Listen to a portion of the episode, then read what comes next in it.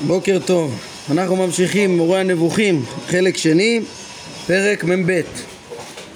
אומר הרמב"ם, כבר ביארנו שכל אימת שנזכרה ראיית מלאך או פנייה בדיבור אה, ממנו, המלאך פונה למישהו בדיבור, הוא רק במראה הנבואה או בחלום.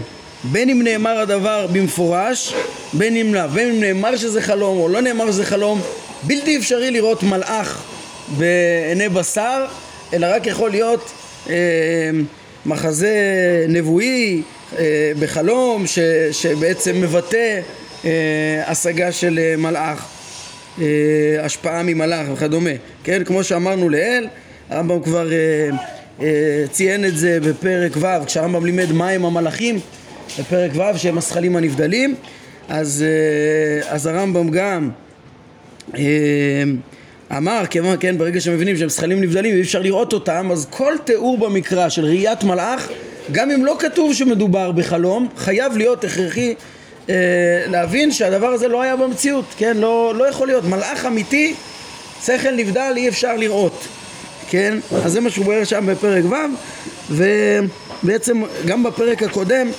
זה נזכר בתוך הדברים, אמנם אתמול לא הדגשנו את זה, אבל יש לרמב"ם משפט כזה, הוא אומר ודע שכל מי שנאמר עליו בפסוקים שדיבר אליו מלאך או שהגיע אליו דיבור מאת השם לא היה אה, דבר זה בשום אופן אלא בחלום ובמראה נבואה כן, אין דבר כזה שהשם מדבר, הדגשנו אתמול שלא בתיווך דמיון, אבל בעצם יש בו גם את ההכרח שאי אפשר לראות לא את השם ולא את המלאך, אי אפשר לראות אותו. אז אם יש תיאור של ראיית מלאך, אז גם צריך להבין שכל אותו אה, תיאור היה רק ב... ב חלום בדמיון ולא במציאות.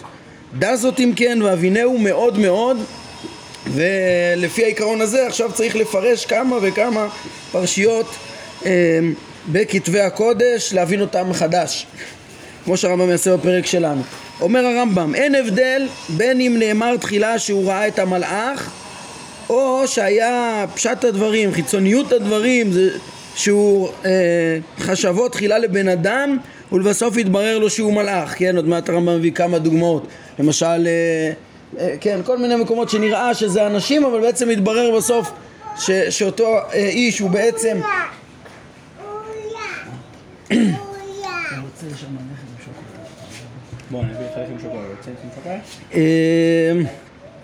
כן, יש כמה מקומות שרואים שלכאורה בהתחלה אה, דובר על מלאך כאילו הוא איש ובסוף מתברר שהוא מלאך. אם בסוף מתברר שמדובר במלאך, אז חייב להיות שכל הדברים היו בעצם במראה הנבואה. אין איש שהופך למלאך, בעצם אה, אותו מלאך ש, שנראה בהתחלה כאדם, בעצם הכל זה במחזה, במחזה הנבואי. אה, כן, מאחר שאתה בסופו של דבר, אה, שאתה מוצא שבסופו של דבר מה שנראה ודיבר אליו היה מלאך, אז חייב להיות שהכל היה אה, במראה הנבואה. דע זאת אם כן והפנם שמתחילת המצב היה זה מל... אה, מראה הנבואה או חלום של נבואה. כן, אומר הרמב"ם כי במראה הנבואה ובחלום של נבואה כן, שזה שני המושגים אה, הכלליים של היסודיים של נבואה כמו שאמרנו בתחילת הפרק הקודם אה, אז או מראה, או, או מראה נבואה או חלום של נבואה אז יש שהנביא רואה שהשם מדבר אליו כמו שנבאר ויש שהוא רואה שמלאך מדבר אליו ויש שהוא, שהוא שומע מישהו מדבר אליו ואינו רואה אדם מדבר כאילו רק דיבור הוא משיג כאילו בשמיעה, כן? מדמיין קול, אה, משיג תוכן של קול, אה, בלי לדמיין צורה, ויש שהוא רואה בן אדם המדבר אליו, ולאחר מכן יתברר לו שהמדבר הזה הוא מלאך.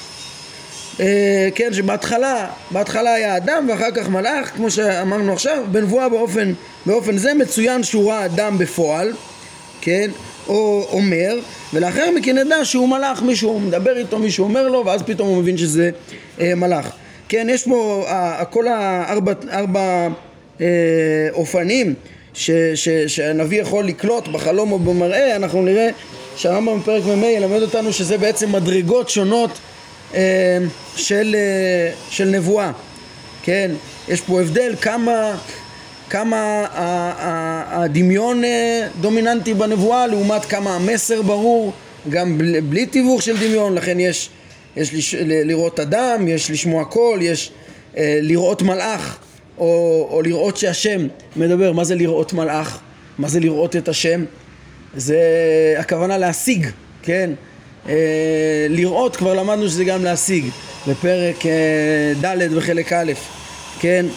וכמו שאנחנו נראה, אז, אז זה בעצם מדרגות. יש, כשהמלאך מתאר שהוא, שם, שהוא ראה אדם, אז, הוא, אז, אז, אז היה דרך דמיון הוא השיג את המלאך. תמיד בנבואה זה השגה, כן? השגה עמוקה, אבל יותר דרך הדמיון. ברגע שיש אה, ראייה של דבר שאי אפשר לראות אותו גם, אז בעצם הוא השיג, השיג ש, ש, את, את זה שמגיע אליו שפע מהמלאך, או אפילו מאת השם, וכמו שנדבר במדרגות האלה בפרק מ"ה.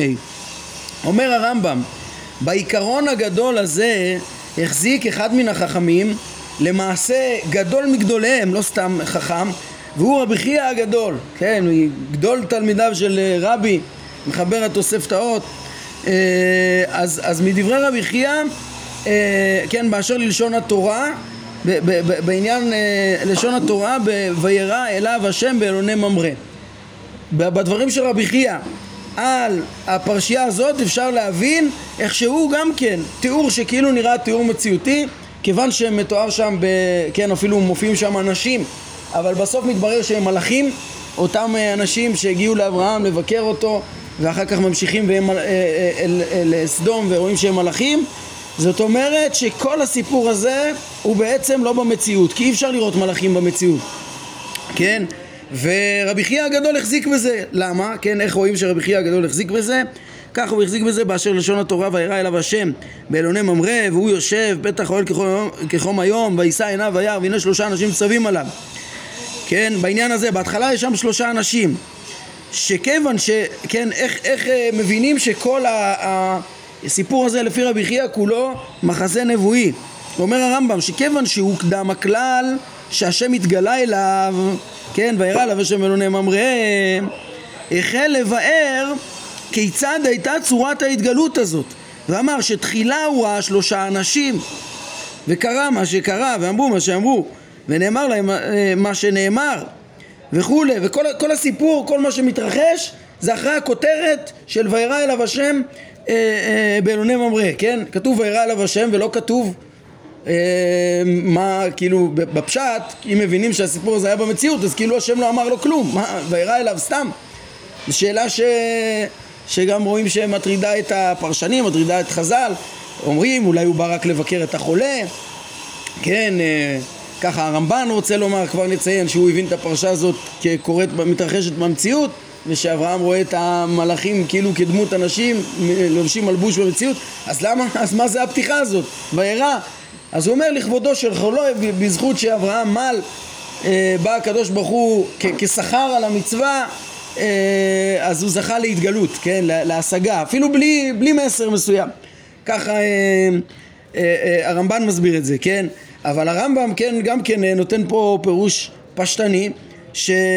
שהוא אומר שככה כבר הוא מבין את זה מדברי רבי חייא שלא, ה"וירא אליו השם" זה כותרת ואז יש תיאור המראה כולו כל מה שקורה זה בעצם קורה הכל במחזה, ב, ב, ב, ב, כן, וירא, וירא גם כן הוא רואה, זה מחזה, אה, בעצם בהקיץ, זה, זה מראה ולא, ולא אה, חלום, זה לא חלום נבואי, זה מדרגה גבוהה של אה, נבואה, כן, אז מה, מה אומר רבי חייא הגדול? בעל הפרשנות הזאת אמר שדברי אברהם,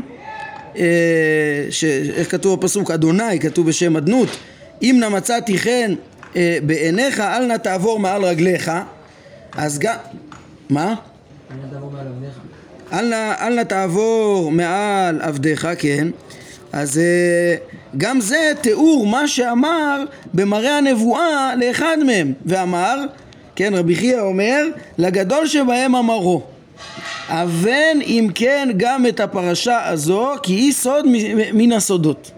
עד כאן הרמב"ם מדבר על הפרשה הזאת, ולא מוסיף לנו, כמו שהוא אמר מראש במורה, בהקדמת המורה, שהוא יפתח לך את הפתח ואתה תצטרך להשלים ולהבין את העניין עד הסוף בעצמך.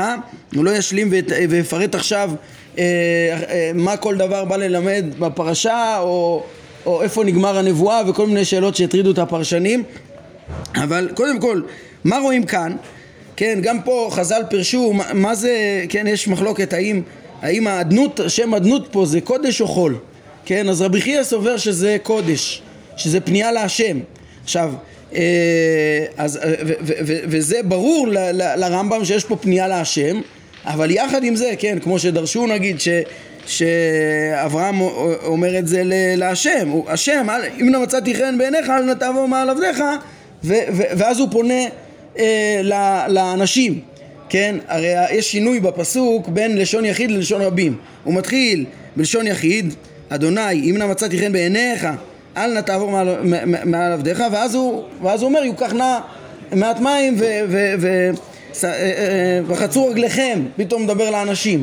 אז, אז, אז הפרשנות שהרמב"ם הולך איתה זה בעצם שהוא לא, לא מדבר לאותם, לכאורה זה ביחס לקדוש ברוך הוא שאומר רגע אני הולך אה, גדולה הכנסת אורחים והגבלת פני שכינה. כאילו הוא אומר לקדוש ברוך הוא תמתין אני הולך לקבל את האורחים. כן כמו שדרשו חכמים. אז ברור לרמב"ם שיש פה פנייה לקדוש ברוך הוא כן אה, ברישא של הפסוק ואחר כך לאנשים.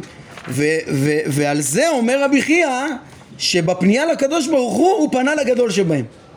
זאת אומרת שבעצם היה כאן, האנשים האלה היו רק המחזה הנבואי, רק ה... ה, ה כן, לפנות לקדוש ברוך הוא דרך ה, ש, שמתגלה אליו בכל המחזה הזה, לפנות לגדול שבהם זה בעצם לפנות, לפנות לקדוש ברוך הוא ש, ש, מ, מ, מ, שכרגע מראה לו את כל המראה הזה. כן, לגדול שבהם זה לקדוש ברוך הוא. היינו שוב, הפירוש בנוי ככה ש, שברור שהאדנות הוא קודש, ויחד עם זה הוא אמר שהפנייה היא לגדול שבהם. כן? אה, ולכן, יש, ולכן ברור שרבי חייא הבין שזה, שזה חלק מהמחזה, כן? שהפנייה, שהאנשים האלה היו רק במחזה, כן? כי זה לא, אם, אם, אם אני אומר, ברור פה, הרמב"ם לא אומר את זה בפירוש, אבל שהוא הבין שה, שהאדנות קודש, כי אם זה היה אדנות חול, אז, אז הוא פנה לגדול שבהם ולא לכולם, כאילו יש גם פרשנות כזאת, ואז אין פה שום ראייה שזה, שזה מחזה נבואי, אלא זה הולך לפי ההבנה שאדנות זה ברור שזה פנייה להשם, ויחד עם זה אמר רבי חייא שזה לגדול שבהם. אז אומר לנו הרמב"ם, סוף סוף הטענה היא פשוטה, כיוון שמדובר שם בראיית מלאכים, זה לא יכול להיות במציאות, הסיפור הזה לא יכול להיות במציאות. אמ, ידוע וכבר ציינו שהפרשנות הזאת של הרמב"ם מעוררה קושי אה, גדול המקשים פה בסיפור הזה על הרמב"ם זה הרמב"ן ומבחינה פרשנית הוא אומר אני לא יודע איך אתה יכול לטעון את הדבר הזה הרי המלאכים האלו, כן הוא שואל איפה נגמר המחזה? הרי המלאכים האלו אה, היו כאנשים, נראו כאנשים אצל אברהם והמשיכו לסדום ו, ובאו להציל את לוט והפכו את סדום ואנשי סדום רואים אותם, אה, לוט רואה אותם וכולי. אז מה, אז כל זה היה רק במחזה נבואה? זאת אומרת לא, סדום לא, לא התהפכה. סדום לא, לא, מה, הכל לא היה ולא נברא, הכל רק אה, סיפור, איפה תעצור? ככה שואל הרמב"ן. אבל התשובה לזה היא פשוטה, כן, והמפרשים אפילו הציעו אה, אה, ש, אה, שתי פתרונות. או אולי אני אציין עוד שאלה של הרמב"ן בעניין הזה. הוא שואל, רגע, רגע, אתה אומר, אתה אומר שכאן זה היה מחזה נבואי, אז גם אצל לוט זה חייב להיות מחזה נבואי. הרי לפי העיקרון שלך, גם, גם לוט לא יכול לראות מלאכים במציאות, אין מלאכים במציאות שאפשר לראות אותם, הם זכלים נבדלים, אז זה מחזה נבואי. מה, לוט היה במדרגה של אה, נבואה? ומה עם אנשי סדום? אנשי סדום אה, גם כן אה, היו נביאים לראות מלאכים, כן? אז האמת שעל השאלה הזאת התשובה היא פשוטה. ברור שלפי הרמב"ם הכל הכל מחזה נבואי של אברהם, לא של לוט ולא של אה, סדום, כן? כמו שיש שם, אה, אה, נאמר שם שלפני כל ה... בעצם השם מתגלה לאברהם באלוני ממרא ובמחזה הזה יש הרבה הרבה אה, אה, אה, תוכן אה, נמסר לאברהם אה, שנית על אה, הולדת אה, יצחק, כן, ו, ו, ו, ואחר כך יש גם כן את הסיפור, כן, הקדוש ברוך הוא אומר המכסה אני מאברהם את אשר אני עושה ו... בעצם מספר לו על, על זה שהוא הולך להחריב את, את אה, סדום ויש את התפילה של אברהם ויש את הסיפור של סדום שבאמת לא יכול להיות הכל ראיית מלאכים. אז הכל אברהם רואה במראה הנבואה עד שבסוף אתם יודעים יש, יש, יש את הקוש... אז, אז נשיב על הקושייה של הרמב"ן. הרמב"ן אומר מה אז הכל היה אז לא היה במציאות? אז תראו ברור שהדברים בסוף גם היו במציאות אבל בשביל זה יש תיאור כפול חוזר בתורה. כן יש את כל ה... כן, כמו שאמרנו, הפרשייה, אני מסתכל רגע פה בפסוקים, כן, מתחילה ב"וארא עליו השם באלוני ממרא", בהמשך יש "והשם אמר המחסני מאברהם אשר אני עושה" וכולי, ואברהם עודנו עומד לפני השם, כן? אה, הוא בא מספר לאברהם את אה, זעקת סדום ועמורה כי רע בו וחטאתם כבדה מאוד וכולי. ואברהם עודנו עומד לפני השם עדיין הכל במחזה וכולי.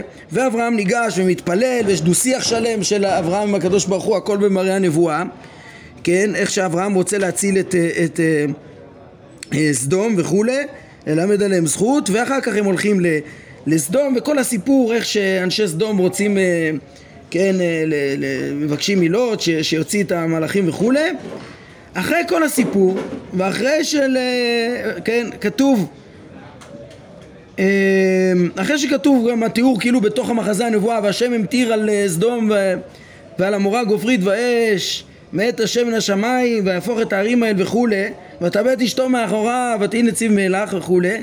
אז פתאום כתוב ככה, אנחנו בפרק י"ט פסוק כ"ז, אומר, אה, אומרת התורה, וישכם אברהם בבוקר אל המקום אשר עמד שם את פני השם, וישקף על פני סדום ועמורה ועל כל פני ארץ הכיכר שכרגע הוא חלם עליהם מה קורה שם עד עכשיו, כן? וירא והנה עלה קיטור הארץ וקיטור הכבשן ויהי בשחט אלוהים את ערי הכיכר ויזכור אלוהים את אברהם וישלח את לוט מתוך ההפכה בהפוך את הערים אשר ישב בהם לוט. למה צריך לספר את זה? כבר סיפרנו בפירוט איך שהצילו אותו. למה צריך לספר שכשהשם הפך את, ה, את הערים אז, אז, אז, אז, אז אה, בזכות אברהם הוא הציל את לוט? למה לספר את הדבר הזה? אלא מה? שעד עכשיו זה היה, השם לא רצה לכסות מאברהם את אשר הוא עושה ו, וכחלק מההתגלות אברהם בעצם ראה את כל המחזה הזה כאילו המלאכים הולכים לסדום ואיך לוט מציל אותם ודבק במידותיו של אברהם קצת של הכנסת האורחים לעומת רשעתם של, של אנשי סדום והוא מבין למה לא אה, מתקבל תפילתו במקרה הזה וכולי. ואיך אה, לוט ניצל כאילו במחזה הנבואה. אבל אחר כך הוא מתעורר ומסתכל מה קורה באמת? באמת הסדום והמורה נחרבו. איך בדיוק? כן השם השחית אותם כן ועלה שם קיטור הארץ קיטור הכבשן במציאות עוד לא תואר שום דבר וגם הוא מציין את התורה שלא אמנם ניצל, אבל זה לאו דווקא היה בדיוק כמו שתואר במראה הנבואה. מראה הנבואה היה תיאור ציורי שלא יכול להיות במציאות, מפגש עם מלאכים וכדומה. אלא מה? שלרמב"ן יש גם על ה... נניח שניישב את זה, הוא לא הציע את הפתרון הזה, אבל יש לו עוד שאלה. הוא אומר, אז מה אתה אומר? שכל הסיפור הזה, כל הקטע הארוך הזה אה, אה, פרק י"ח וי"ט עד פסוק אה, כ"ז עד וישכם אברהם בבוקר זה, זה בעצם מראה נבואי אז הרמב"ן אומר, אז אני לא מבין, אם הדברים האלה קרו במציאות, אני מבין למה התורה מספרת אותם. אבל אם הכל חלום, אז הוא אומר, בא החלום הזה ברוב עניין, לא יכול להיות. מה, הקדוש ברוך הוא יראה כזה מראה שמספר הרבה פרטים, איך שאל הבקר רץ אברהם, ו- ו- והמלאכים אכלו ושתו, ושרה, איך, איך היא אירחה אותם, והרבה הרבה פרטים, ומה קרה בסדום, מה העניין של זה? מה, מה העניין של, של נבואה כזאת, של התגלות כזאת? ככה הרמב"ן אומר ו, ו, ולא מבין. על השאלה הזאת אולי נענה עליה כמו שיהודים רגילים לענות בשאלה, כן? שמה, נשאל, ולשיטת הרמב"ן שהדברים האלה קרו במציאות אז מה, אז, אז, אז מובן, אם, אם הדברים האלה קרו במציאות אז אז, אז לא צריך להבין למה התורה פירטה כל פרט פה, כן? זה לא, לא, לא צריך אה, אה, אה, לדבר על זה, הרי ודאי שגם עם הדברים האלה, אה, כן, כל, התורה לא מתארת סתם פרטים, אלא מה, חשוב לתורה, כן, מה תגיד? שהדברים האלה, נגיד בהנחה שהדברים האלה קרו במציאות, שהיה חשוב לתורה ל... ל- ל- ל- לספר על מידותיו של אברהם ושרה, על הכנסת אורחים שלהם וכל המידות הטובות שלומדים שם? נו, זה גם סיבה למה, אה, כן, לתאר את מידותיו של אברהם לדורות, גם במראה נבואה. כן, לספר על, אה, למה לספר על התפילה בפירוט של אברהם? לספר על מידת אה, חסדו וטובו ואיך אה, אה, היה אכפת לו מכל הבריות. כל, כל פרט בפרשה, גם אם הוא קרה במציאות, צריך לתת לו הסבר. ואשתא דעתית לאחי, אז, אז, אז, אז גם אותו הסבר שתגיד למה התורה טרחה לכתוב את זה לדורות, את אותו פרט, זה בעצם יכול להיות הסבר למה זה נגלה לאברהם. טוב, זה בתמצית ההתייחסות אה, בוויכוח הפרשני שהתעורר סביב הדברים פה שהרמב"ם קיצר בהם, אבל באמת, בהחלט שהפרשנות של הרמב"ם נכנסת פה בפשט מאוד מאוד אה, יפה. אה, בזמנו, בפרק ו', הארכנו הרבה יותר במחלוקות העקרוניות שבין הרמב"ם לרמב"ן, בנושא הזה בעצם יש כאן ויכוח, ויכוחים עקרוניים על מהות המלאך ומהות הנבואה, אולי אני אזכיר את זה בראשי פרקים ממש, כי אז הארכנו, זה שהרמב"ם לימד שהמלאכים הם זכלים נבדלים, הזכלים הנבדלים שהם, הש... כן, הסיבות האמצעיות, השפע השכלי שבאמצעותו מתקיים העולם והשם פועל במציאות והשם מנבא. זה המושג, זה, זה, זה המלאכים, הזכלים הנבדלים. שהם, ש, ש, ש, שהם מסובבים את הגלגלים, שמכוחם כל המציאות מצויה. אה, כן, אז, אז לפי הרמב"ם אה, אי אפשר לראות אותם ואי אפשר שיתגשמו, כן? ולעומת זאת אנחנו למדנו שהרמב"ן אמנם אימץ את המושג זכלים נבדלים כשהוא אומר שמלאכים הם מאוד מופשטים, אי אפשר לראות אותם בעיני בשר, הם זכלים נבדלים, אבל בסוף הוא מסביר שהם אה, עשויים מכבוד נברא והם גשם דק דק מאוד, אבל, אבל הם במושגים גשמיים והם יכולים, לכן הם גם יכולים ללבוש מלבוש, כן? מה שבלתי אפשרי בזכלים הנבדלים שהתגשמו, שזה דבר לא שייך בכלל, אצל הרמב"ן, כן, אה, אור דק יכול ללבוש מלבוש, בדרך כלל לא רואים אותם באמת בעיני בשר, אומר הרמב"ן, אבל אם הם, ילבשו מלבוש, ו, ו, אז אפשר, וכל מקום שמתואר במקרא שמלאך אה, היה נראה כאדם, זה אומר שהוא לבש מלבוש. ואז אומר הרמב"ן, חסידים יכולים לראות את זה, או כן, הוא אומר רק חסידים, אז איך, אנשי, איך לוט ואנשי סדום ראו, איך האתון ראתה, אז באמת הרמב"ן בפרשת בלק אומר אולי האתון לא ראתה, הוא בהתחלה נוטה להגיד שהאתון לא ראתה, ואם ראתה זה היה נס. נו, אז אם זה היה נס, למה לא צוין הנס הזה, רק פתיחת פי האתון צוינה ולא... ככה הרמב"ן שואל עצמו, הוא אומר אולי זה נכלל בכלל, כשכתוב פתיחת פי האתון זה כל הסיפור, וגם שהיא ראתה. על כל פנים יכול להיות נס אולי שיראו את המלאכים הדקים האלה בסוד המלבוש, אבל באופן אה, פשוט רק אנשים חסידים עליונים יכולים לראות אה, מלאכים. כן, אז זה ויכוח גדול על אה, מהות המלאכים, יש גם ויכוח על מהות הנבואה, אה, שהרמב"ם בעצם מלמד אותנו שכל נבואה היא בתיווך השפע השכלי, השכלים הנבדלים, תיווך מלאך ובתיווך דמיון. וזה ההבדל בין נבואת משה רבנו לנבואת כל הנביאים. בלתי אפשרי להשיג אחרת מאת הבורא, תמיד משיגים את השפע השכלי, דרך השפע השכלי השופע מאיתו, לא, לא אחרת.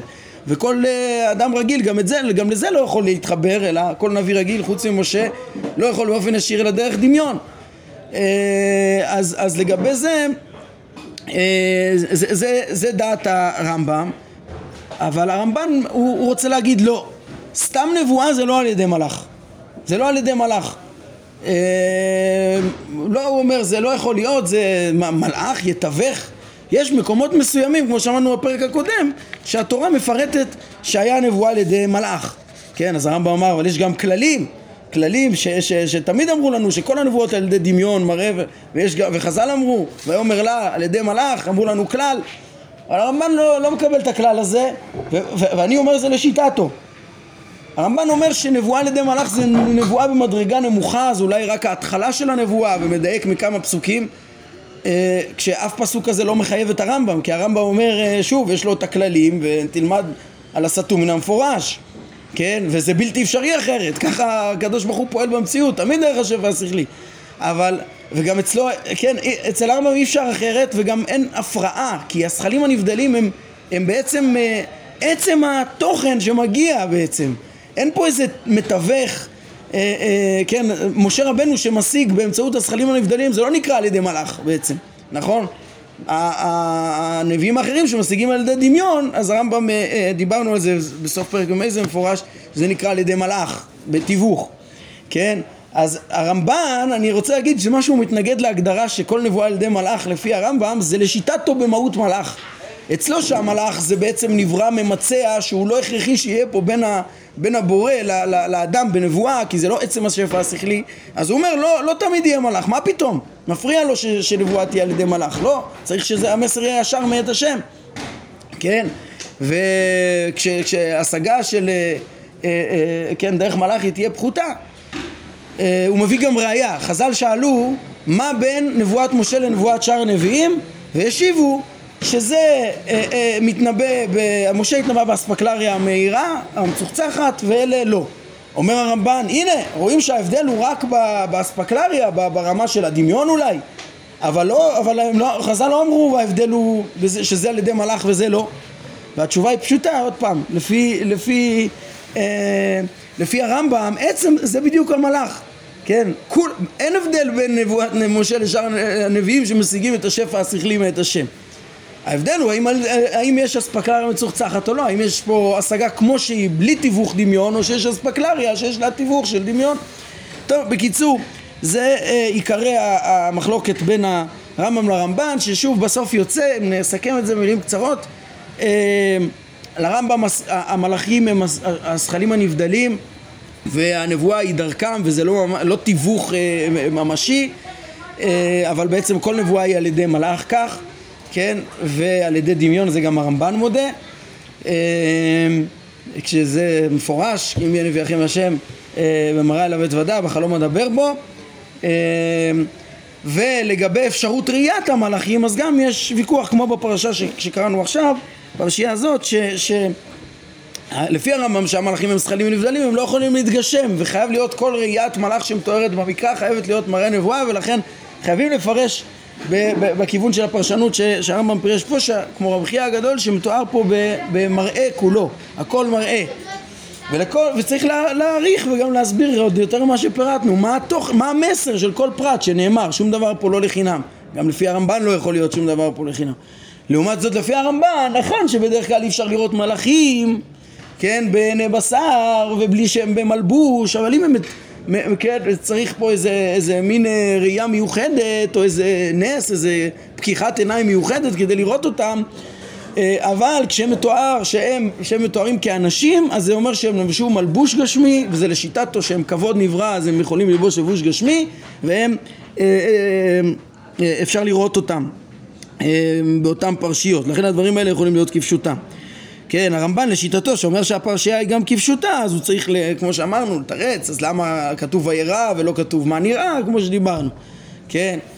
אמ, יפה, אז זה הפרשה הזאת ובעצם בזה השלמנו עכשיו חוב שהיה לנו כי כשלמדנו את פרק ו' אמרנו, ביארנו את עיקר המחלוקת על מהות המלאכים אבל לא, לא הסברנו את הוויכוח הפרשני ש, ש, ש, ש, שהמחלוקת הזאת תלויה גם בו, אז עכשיו השלמנו גם את ההסברים אה, אה, לדרך הרמב"ם מבחינה פרשנית, איך זה נכנס פה בתורה.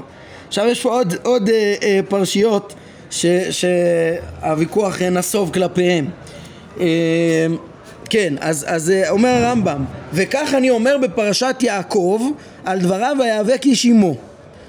כן, זה איש שבסוף מתברר שמה ראיתי אלוהים פנים אל פנים נכון? בסוף מתברר שזה מלאך, זה אלוהים, מלאך. אז, אז אה, איך יכול להיות שיעקב ייאבק עם מלאך? מה, מלאך הוא איש? זה לא יכול להיות במציאות, זה מראה נבואי.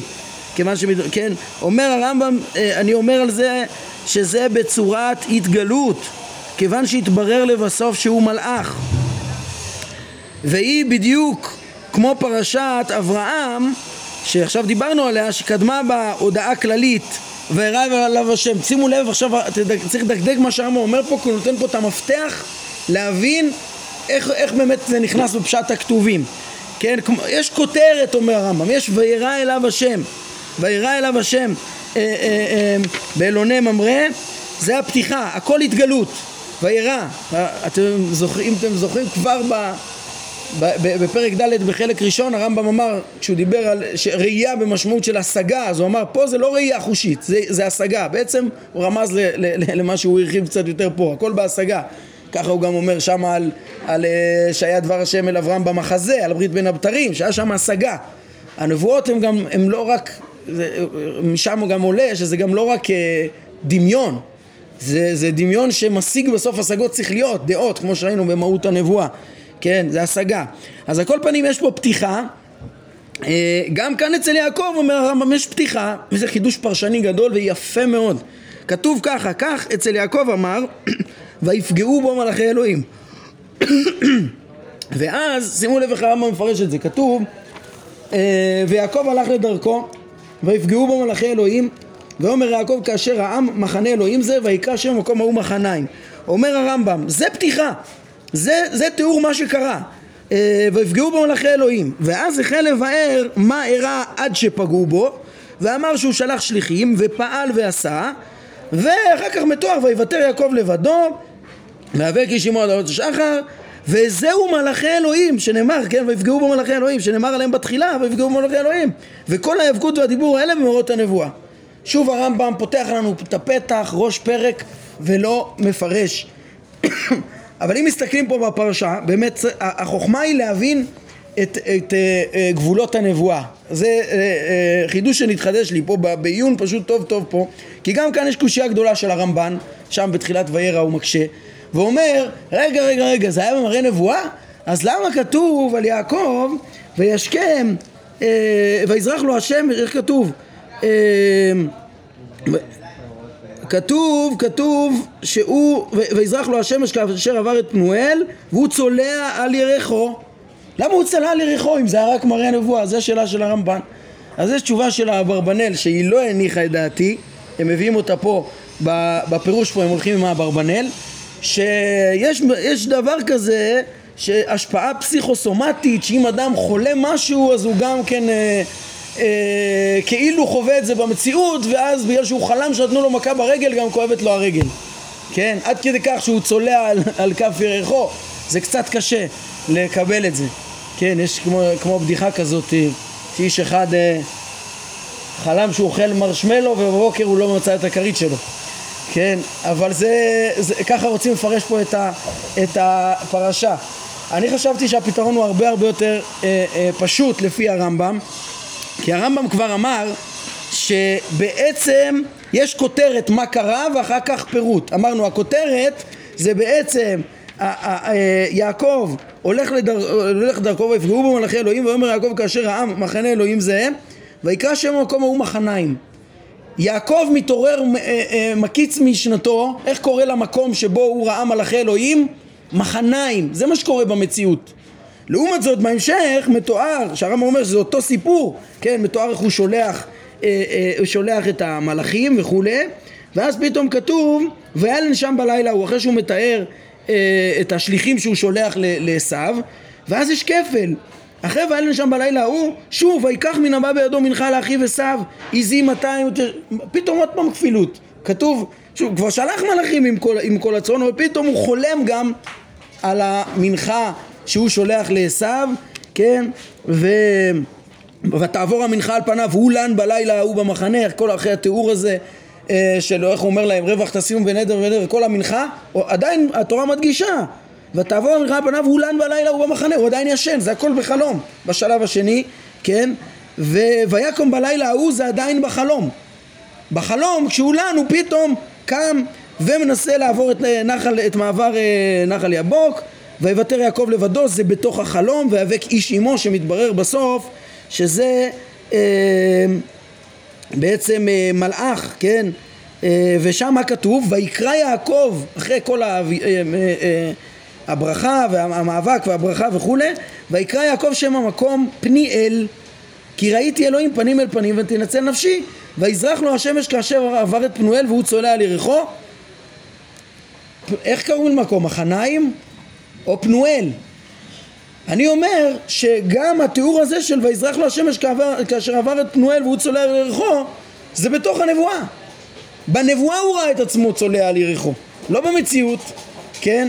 הוא לא באמת היה צולע על יריחו כן? הוא ראה את זה והראיה שאני חושב שזה עולה מהרמב"ם שהרי תשאל את עצמך באיזה מקום זה היה בפניאל כן ויקרא שם מקום פניאל או, או, או, או מחניים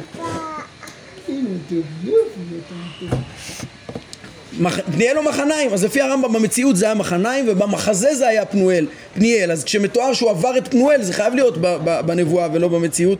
ולכן בכלל לא, לא נקע כף ירך יעקב, אלא מה תשאלו, אז uh, תשאלו, אז, אז כתוב בפסוק הבא, על כן לא יאכלו בני ישראל את גיד הנשה אשר על כף הירך עד היום הזה, כי נגע בכף ירך יעקב וגיד הנשה כן, אז שאלת הרמב"ן, מה, בגלל איזה חלום אז אנחנו, אז, אז נהגו, ראינו לפי הרמב"ם שזה לא היה מצווה אפילו, כן? נהגו בני, בניו של יעקב, בני ישראל, ל, לא לאכול את גיד הנשה בגלל איזה מחזה נבואי? אז עוד פעם נענה בשאלה, כמו, כמו קודם. אני לא מבין, ואם זה קרה במציאות, שמלאך רב איתו ונקע לו את הירך, אז מובן לך למה למה עכשיו לא לאכול את, ה, את גיד הנשה של הבהמות בגלל שיעקב קיבל איזה מכה ברגל? מה קרה? ככה זה מובן? הרי גם אתה חייב לתת הסבר למצווה שבאמת זוקקת הסבר פה ולמנהג הזה למה בגלל אותו מאבק וצליעה על כף הירך לא לאכול את גיד הנשה בבהמות בלאו הכי גם אם זה קרה במציאות צריך הסבר אז להפך, כן, כן, אם זה אה, אה, אפילו ברגע שהדברים האלה בנבואה עוד יותר מובן למה צריך לנהוג על פיהם כי זה לא סתם איזה אירוע שקרה זה בעצם מחזה נבואי שבא ללמד משהו כן, ואם כבר אנחנו עוסקים בטעם של זה למה באמת אה, אה, הטעם של גיד הנשה אז, אה, אז יש הסבר מאוד יפה בספר החינוך כן, אה, אה, הנה, הפיפ שלי אתה שומע רעש? איפה הוא? בוא תיסע באופנוע אני אביא לך עוד מעט הפתעה, טוב? בוא, אז מה באמת, יש בספר החינוך הסבר מאוד יפה לזה, שהוא אומר שבעצם כל המחזה הנבואי הזה, כן, או גם אם זה היה במציאות, זה מה שבא לבטא כל הדבר שהיה שם, אה, אה, זה, זה בעצם מתאר את המאבק שיהיה ליעקב ועשו כל הדורות, כן, ו, ועם כל הגלויות וכל החסרונות שיכולים להיות והפגעים שעשו יכול לפגוע בנו, בסוף תמיד הקדוש ברוך הוא אה, יציל אותנו ובסוף בסוף יעלו, תראה מה יש פה, תראה, תראה, זה אולי יעניין אותך, תראה, וואו, קח, קח, תסתכל ככה. בסוף העלו מושיעים מהר ציון לשפוט את הר עשיו אה, והייתה לה שם המלוכה. אז כאילו תמיד זוכרים? כאילו הוא יכול רק לפגוע בנו רק בכף הירך רק ב... בצדדים הנמוכים. וכולי, זה הסבר של החינוך מאוד יפה למצווה הזאת, למה תמיד גם נצטווינו אחר כך לזכור את הדבר הזה, מה, כמה יכולים, עשיו יכול לפגוע ביעקב.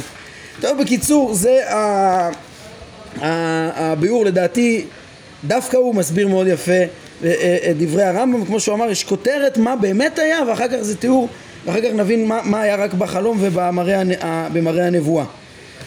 אה, כן, אנחנו כבר קצת חורגים מהזמן, השאלה אם אתם רוצים להישאר עוד קצת ונספיק לסיים את הפרק שנצליח לעמוד בקצב שלנו ושכבר, אה, כן, יש, מה, מה אתם אומרים? זה ייקח בערך עוד, אה, נגיד, עשר דקות מקסימום אנחנו מסיימים.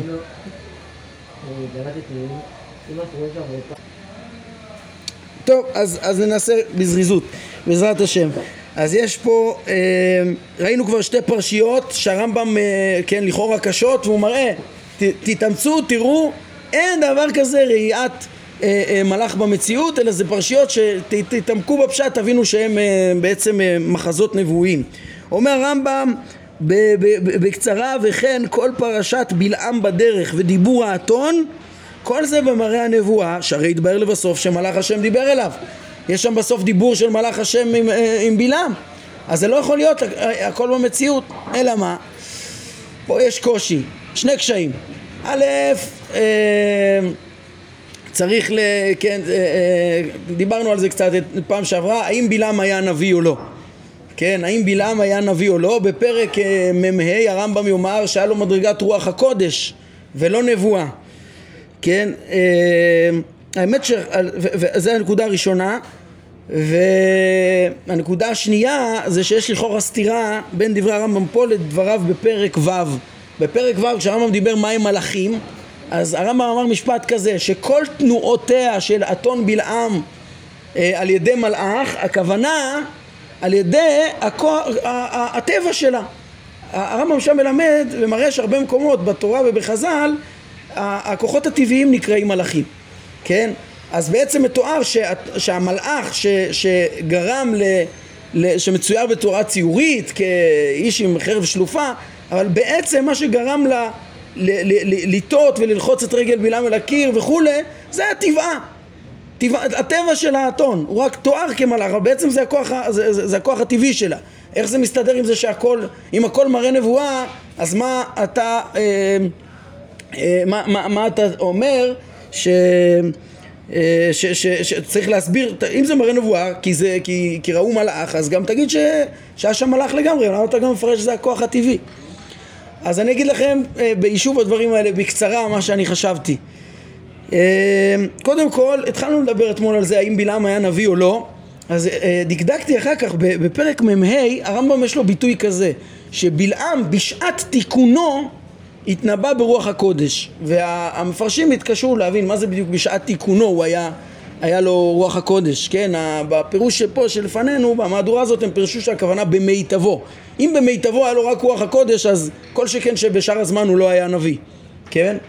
אבל הקושי זה שבפרק הקודם, מ"א, ראינו שהרמב"ם הבחין בין לבן, בין החלום ללבן ואבימלך, שזה לא היה נבואה, לעומת לשונות של ויבוא אלוהים אל בלעם ויאמר אלוהים אל בלעם בחלום הלילה, כן, לא כתוב שם בחלום, כן, כתוב שם, זה משנה, כאילו ויבוא בחלום זה לא נבואה ראינו אצל, אצל לבן ואבימלך, אבל, אבל ויבוא, ולא כתוב שזה חלום, פשוט הוא פשוט מתברר שהוא אחר כך קם בבוקר אז שמה זה, הרמב"ם אומר לכאורה שזה נבואה, איך זה מסתדר? חשבתי על פתרון, פתאום קפץ לי הברקה שיכול להיות שבעת תיקונו הכוונה בעודו, בעודו ער, בעודו עומד בחושיו, כן? ואנחנו כבר יודעים שרוח הקודש, אנחנו נראה את זה בפרק אה, מ"ה, רוח הקודש זה בעצם השגה שיש לנביא כשהוא, בתיקונו, כשהוא בתודעתו, עומד בתודעתו, בחושיו, בהכרתו והוא מנבא, כמו שהוא שם עומד מול ישראל ומנבא, זה ברוח הקודש. לא היה לו מדרגה של מראה. יש גם את המושג של מראה, אבל אז הוא מזדעזע לחלוטין וכדומה. גם היה לו נופל וגלוי עיניים.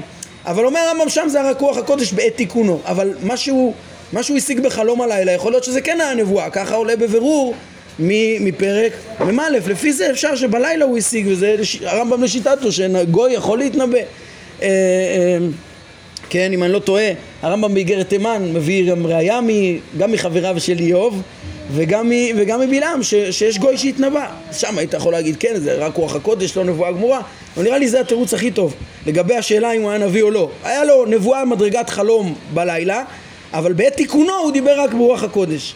ככה אה, התחדש לי. לגבי השאלה השנייה, חשבתי שתי אה, אה, פתרונות, כן? אה, איך נסתדר עם פרק ו' ששם הרמב"ם אמר שהמלאך זה בעצם הכוח הטבעי שהניע את האתון ופה הוא אומר אה, אה, ש, שהכל היה מראה נבואה כן, שהרי לבסוף מלאך השם דיבר עם בלעם. אני חושב שהדברים מסתדרים מאוד יפה בשתי אפשרויות. הם לא סותרים. א', צריך לדעת שבלעם באמת קם והלך עם האנשים. זה ברור שהוא, שהיה את הדרך הזאת. זה לא שכל הדרך יכולה להיות נבואה אלא בתוך הדרך, ברור שהיה הליכה בדרך, ובדרך האתון נטטה. אז זה כמו בכיוון שהרמב"ן היה פשוט לו שהאתון לא רואה מלאך, אז רק מזלי חזי. אז אצל הרמב"ם זה לא מזלי חזי את המלאך הנוכח, כי המלאך לא נוכח כאן, כן? אלא הכוח הטבעי גרם לאתון באמת זזה ולחצה את רגל בלעם וכדומה. ונטטה למשול הכרמים וכולי. אז באמת הייתה הליכה, באמת היה כוח טבעי שהמלאך לעניין האתון זה היה אצלה רק הכוח הטבעי, מה שהמלאך שהניע את האתון. אבל בסוף מתואר שבלעם גם דיבר איתו, הוא דיבר... אה, אה, אה, אז, אז, אז לעניין הדיבור, היה שם איזו השגה של בלעם, וכיוון שהוא היה ער בהכרתו ובתיקונו, אז זה רוח הקודש ו- ו- ו- ולא, ולא נבואה. אבל בעצם מה שאני אומר זה שהיה שם דרך, וההשגה וה, ששמה, שהייתה לבלעם, זה היה רוח הקודש, זה היה, ולא היה במציאות, כן, ולא, האתון לא ראתה אותו. אז זה כיוון אחד. הכיוון השני זה אפילו אם נאמר שנגיד שם הרמב"ם הלך, יש, ראיתי שמישהו רוצה להגיד ככה, שם כשהרמב"ם אמר את זה אה, אה, ש, שהמלאך זה רק הכוח הטבעי זה לפי חז"ל, שחז"ל אמרו שפתיחת פי האתון הייתה במציאות, שהרי מציינים את זה כנס מימי בראשית, אז אם תגיד שהסיפור היה במציאות לדעת חז"ל, כן, שם הוא עוסק במים המלאכים גם לפי חז"ל וכדומה, הוא לא בא לפרש את הסיפור לפי דעתו, אז הוא אומר, אם תגיד ככה, אז לגבי נטיית האתון צריך להגיד שזה אה, כוח טבעי הניע אותה, כן? אה, כי הרי היה שם, חז"ל אמרו שהנס שהיא דיברה במציאות, זה, זה נס, אבל הוא, לשיטתו, אומר לא, גם כל הפרשייה הייתה אה, אה, אה, מראה נבואי, מראה נבואי, כן? זה, ככה שמעתי מי ש, שרצה להסביר, ששם כאילו זה לדעת חז"ל ופה זה דעתו עצמו והכל מראה נבואי. לפי זה פה לא צריך את העיקרון שהוא אמר אה, שם, לפי זה לא צריך את העיקרון שהוא אמר שם, ש, של ה, אה, שהמלאך הוא כוח טבעי. אבל אני חשבתי לשכלל את זה קצת יותר, את ההסבר הזה, ולהגיד שאפילו אם תאמר שהכל מראה נבואי, כמו שהרמב"ם אומר כאן, אז צריך פשר פשר, מה זה, הרי נבואה לא, מתנה, לא באה חלום ברוב עניין, בלי, בלי סיבה, בלי הסברים, בלי, בלי, בלי, בלי עניין, אה, אה. כל דבר ש, ש, שמשיג הנביא בדמיון הנבואי, אז בעצם אה, כל דבר שמשיגים בדמיון הנבואי זה, זה, זה דבר שיש לו משמעות. מה זה ש, שהוא רואה בדמיון שמלאך מניע את האתון? שהכוח הטבעי מניע את האתון, אפילו אם זה רק מראה נבואה צריך להיות לזה פשר כזה. כן, אלא מה שבכיוון הזה יוצא שזה לא לפי חז"ל, כי בסוף לא היה שם נס, אלא, אלא יש כאן אה, רק מה התורה באה ללמד אותנו שהיא תיארה את האתון כאילו מדברת, כן? שזה לא כל כך רחוק מזה מבחינת המסר, אבל זה לא לפי הפירוש שזה נס. וכבר ראינו שהרמב"ם אה, בפרק כ"ט פה בחלק הזה, הוא, הוא לא ראה הכרח לפרש דווקא כמו חז"ל פה אה, את העניין של הניסים, האם הם נקבעו מראש או שהשם עושה אותם בעת שהוא חפץ וזה לא שינוי רצון וכולי. טוב, זה הארכנו קצת בעניין בלעם, אז עכשיו שאר הדברים הם מאוד מאוד פשוטים, אז נוכל לסיים את הפרק בזריזות, בעזרת השם. אה, הרמב"ם אומר ככה, אה, וכן אני אומר על דברי יהושע, כן, כתוב וישא עיניו וירא והנה איש עומד לנגדו וחרבו שלופה בידו זה, זה הכל במראה הנבואה, הוא לא ראה איש במציאות. למה? שהרי התברר בסוף שהוא שר צבא השם. טוב, זה מאוד קל, מאוד פשוט, אין בעיה להגיד שהכל מראה נבואי. אה, אשר למה שנאמר, ויעל מלאך השם מן הגלגל אל הבוכים. ויאמר אלה אתכם ממצרים ולא שמעתם בקולי מה זאת עשיתם ויהי כדבר מלאך השם את כל הדברים האלה אל כל בני ישראל ויישאו העם את קולם ויבכו, כן, פרשייה בשופטים שמתוארת את המלאך מול כל הציבור כולו. מה, מה, מה קורה שם? מה זה, כל הציבור התנבאו? מה, מה היה שם? אומר המם פשוט, החכמים אמרו שמלאך השם האמור כאן הוא פנחס. כבר חז"ל פתרו לנו את הבעיה, בפירוש אמרו זה פנחס, שבשעה ששכינה שורה עליו דומה למלאך השם. הוא היה שליח השם בעצם, הוא היה נביא. דומה למלאך השם. הרי ביארנו כן, והרמב"ם כבר ביאר בפרק ו' שהמונח מלאך הוא רב משמעי, גם נביא נקרא, גם הוא מלאך, כמו שנאמר בפסוק וישלח מלאך ויוצאנו ממצרים, שזה משה, כן? אה, ונאמר ויאמר חגי מלאך השם ומלאכות השם, הוא שליח השם, שליח השם הוא גם נקרא מלאך כן, כמו שראינו בפרק הקודם על עבר גם, על ידי מלאך, הרמב"ם גם אמר פירוש, ואומר לה על ידי מלאך, אולי זה עבר, ואולי זה המלאך ש, שנאמר לעבר, אולי זה עיקרון ללמד שתמיד נבואה על ידי מלאך, כן? גם נאמר והיו מלהיבים במלאכי האלוהים ובוזים דבריו ומתעתעים בנביאיו עד עלות חמת השם בעמו עד לאין מרפא. רואים פה שהתעתוע בנביאיו זה בעצם המקביל למלהיבים מלאכי האלוהים. הנביאים הם נקראים מלאכים. אז פה מדובר בנביא שכל הציבור ראה וזה לא, ו, ולא ראינו, אין ראיית מלאך במציאות. וכן דברי דניאל והאיש גבריאל אשר ראיתי בחזון בתחילה מואף ביעף נוגע אליי בעת מנחת ערב. כל זה במראה הנבואה. הוא רואה איש שהוא מואף שהוא בסוף מתברר לו שזה מלאך כן? אז הוא רואה אותו, רואה אותו בחזון זה לא ראייה במציאות זה אפילו מפורש פה בפסוק בחזון אה, אה, במראה נבואה. אל יעלה על דעתך בשום אופן שיש ראיית מלאך או שמיעת דיבור מלאך אלא במראה הנבואה או בחלום של נבואה כמו שנקבע כעיקרון. כן, עיקרון מפורש כבר, גם אם זה לא, גם אם זה סתום במקומות מסוימים, התורה כבר אמרה את הכלל, אם יהיה נביאכם השם במראה אליו אתוודה, בחלום אדבר בו, כן, וזה אה, אה, הכלל שמלמד על כל המקומות הסתומים שלא התפרשו. וממה שהזכרתי, תלמד על מה שלא הזכרתי. כן, ממה שהקדמנו, אה, באשר להכרח בהכנה לנבואה, בכל, כן, בפרקים הקודמים, אה, וממה שציינו לגבי רב משמעיות המונח מלאך, אז גם ייפתרו פה עוד, אה, אה, עוד אה, אה, שתי, שני מקומות קשים. תדע שהגר המצרית אינה נביאה. היא לא יכולה להיות כי מן הסתם אין לה את ההכנה של שלמות האדם, של התכלית האנושית של הנבואה, אז היא לא הייתה נבואה. וגם מנוח ואשתו, שאיך אומרים חז"ל, מנוח עם הארץ היה, אה, אינם נביאים. אנשים פשוטים לא אמורים להיות אה, אה, נביאים, מן הסתם זה לא נבואה כל מה שמתואר אצלם. אז מה זה שמלאך השם דיבר איתם?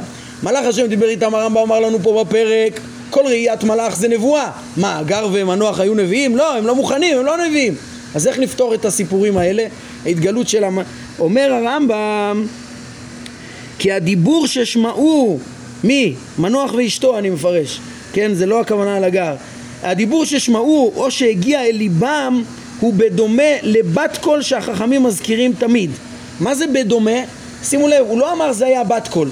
לפרש שמנוח ואשתו השיגו בת קול או כל שכן או לפרש שמל... שהמלאך השם שמדבר בארוכות עם, עם הגר זה בת קול זה דחוק. הרמב"ן אומר אי אפשר לקבל את זה שהגר שמע רק בת קול. הרמב"ם לא אמר את זה שהם שמעו בת קול. כן? הוא, הוא מדבר פה על מנוח ואשתו ש, שהם השיגו דיבור והגיע אל ליבם אפילו מחזה שלם והשגות וזה היה בדומה לבת קול שהחכמים מזכירים תמיד שאם מצב מסוים חל על האדם שאינו מוכן הרי מה חכמים אומרים? שמיום שהפסיקה הנבואה אז, אז שימשו בבית שני רק בבת קול היינו זה לא דווקא שהיה איזה קול, בת קול יוצאת מאחורי, לא איזה משהו שרק שומעים אותו.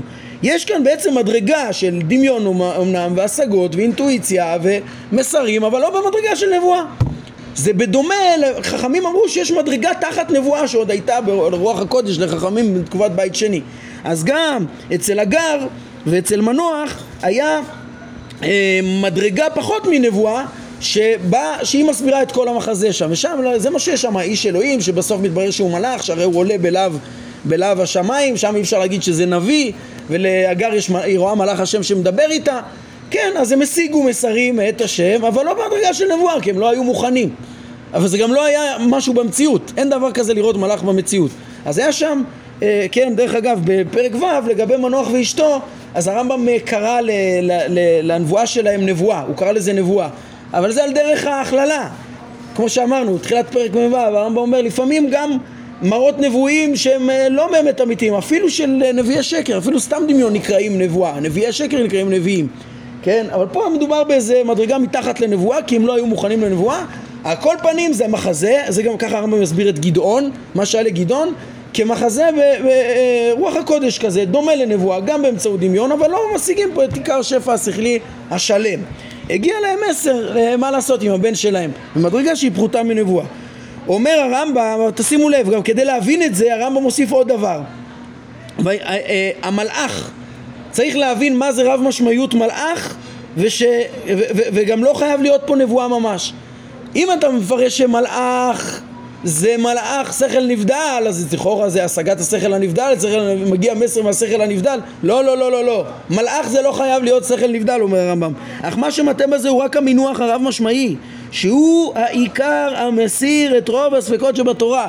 היינו, כן, כמו שאמרנו בחלק ראשון. ברגע שתדע שיש מונחים רב משמעיים ותתאמץ לפרש כל מונח לפי משמעותו המתאימה לו בכל מקום ייפתרו לך רוב הקשיים שבתורה. לכן הרמב"ם אמר שמטרתו של החיבור הזה זה קודם כל, מטרתו הראשונה קודם כל לעורר אותך למושג הזה של המונח הרב המשמעי, השם המשותף, כן, ולפתור את רוב הספקות שבתורה לפי זה. תבין את המשמעויות השונות של הלשון ותבין איך צריך להבין בכל מקום. פה מלאך זה לא שכל נבדל כי לא היה פה נבואה גמורה, כי לא היה פה הכנה להשיג את, את השכלים הנבדלים. כן, אז זה מה שהרמב"ם מש, משלים לנו פה בעוד רמז, הוא אומר, יתבונן במה שנאמר על הגר, וימצאה מלאך השם על עין המים, במדבר, על העין בדרך שור, כן, ובכל הפרשה שם, כל הפרשה שם נאמר מלאך השם, אבל הרמב"ם מביא לנו בכוונה את הפסוק הזה, וימצאה מלאך השם, הוא מביא לנו תקבולת. הוא אומר, כמו שנאמר על יוסף, וימצאהו איש והנה טועה בשדה, וישאלהו האיש לאמור מה תבקש. ולשון כל המדרשות, גם אצל יוסף, המדרשות מפרשים שהאיש הזה הוא מלאך. אז מה רמב"ם רוצה לרמוז לנו פה? יש כאן כל מיני פירושים, אני אגיד מה שאני מבין. אצל יוסף היה איש, כפשוטו של מקרא. וחכמים שאומרים שזה מלאך זה בגלל שבכל השם עושה שליחותו. הקדוש ברוך הוא סידר שיהיה, אה, אה, אה, שיהיה, שבאמת יגיע אותו איש וישלח את יוסף לדותן ויסבב את מכירתו ויסבב בסוף את הצלת היקום, אה, אה, אה, העולם כולו בשנות הרעב וכולי, כמו שיוסף אומר שהאלוהים תכנן את זה למחיה שלחני אלוהים וכולי. הרמב"ם בעצמו יאמר בפרק מ"ה שהיה תוצאה כל כך גדולה לכל המכירת יוסף שמה ולהצלחתו, שם הוא מדבר על הצלחתו בבית פוטיפר, שהשם עמו, זה בעצם השגחה אלוהית ליוותה שם את כל הסיפור. זה להגיד שהאיש הזה היה מלאך, היינו הוא היה איש, אבל אבל אה, באמת הוא לא היה מלאך, אבל, אבל זה היה בהערה אלוקית, כן? אז ככה גם אצל, אה, אצל אה, הגר צריך להבין שזה לא שכל נבדל, כן? מה היה שם? אולי אפילו רק נביא. את כל הפרשה שם אפשר להבין גם כנביא. מלאך השם זה היה איש, הוא לומד את זה מיוסף, או אפילו אם לא תאמרו שזה איש, אז כמו שהרמב"ם אמר, זה לא היה נבואה, זה היה, כמו שחכמים מדברים על בת קול, זה היה איזה, היא קלטה שמדבר איתה איש, היא לא, היה שם הרבה דמיון, לא היה שם השגה של השכל הנבדל, זה נראה לי הכוונה שהרמב"ם אומר פה, ובזה הוא השלים בעצם את העיקרון שהוא רצה לומר. כל תיאור של ראיית מלאך לא יכול להיות מלאך אמיתי במציאות, צריך לבדוק האם זה, אם, אם מתואר באמת מלאך, אז זה היה מראה נבואה, כן? כמו שהוא הראה לנו פרשיות. ואם זה, אולי זה לא מלאך, אולי זה נביא, אולי זה, ואולי זה לא ממש מראה נבואה, אולי זה לא ממש מלאך וכולי. ובזה הרמב"ם העמיד בעצם את אה, שיטתו העמוקה, כמו שיש לו ביטוי כזה שראינו לא מזמן, איך שכל הדברים מעידים אה, על עצמם אה, והכל בעצם אה, אה, עולים, ל, אה, כן, הכל, כל הדברים מעידים זה על זה, בסוף האמת ש, שמשיגים במציאות, שלא ירצה לא יתעלק עם האמת, שיש, שיש מושג כזה זכלים נבדלים ושהתורה דיברה עליהם ושהנבואה היא דרכם, הכל בסוף מתאים, כן, ויש עם כל התיאורים שכאילו חיצוניותם לא מתאימים, תעמיק ותראה כמה התורה דייקה, תבין את המונחים הרב משמעיים, תבין את הדיוקים של ההבדלים של תיאורי הנבואות ובסוף תעמוד על כוונת הדברים. טוב, נעמוד כאן להיום. ברוך אדוני לעולם, אמן ואמן.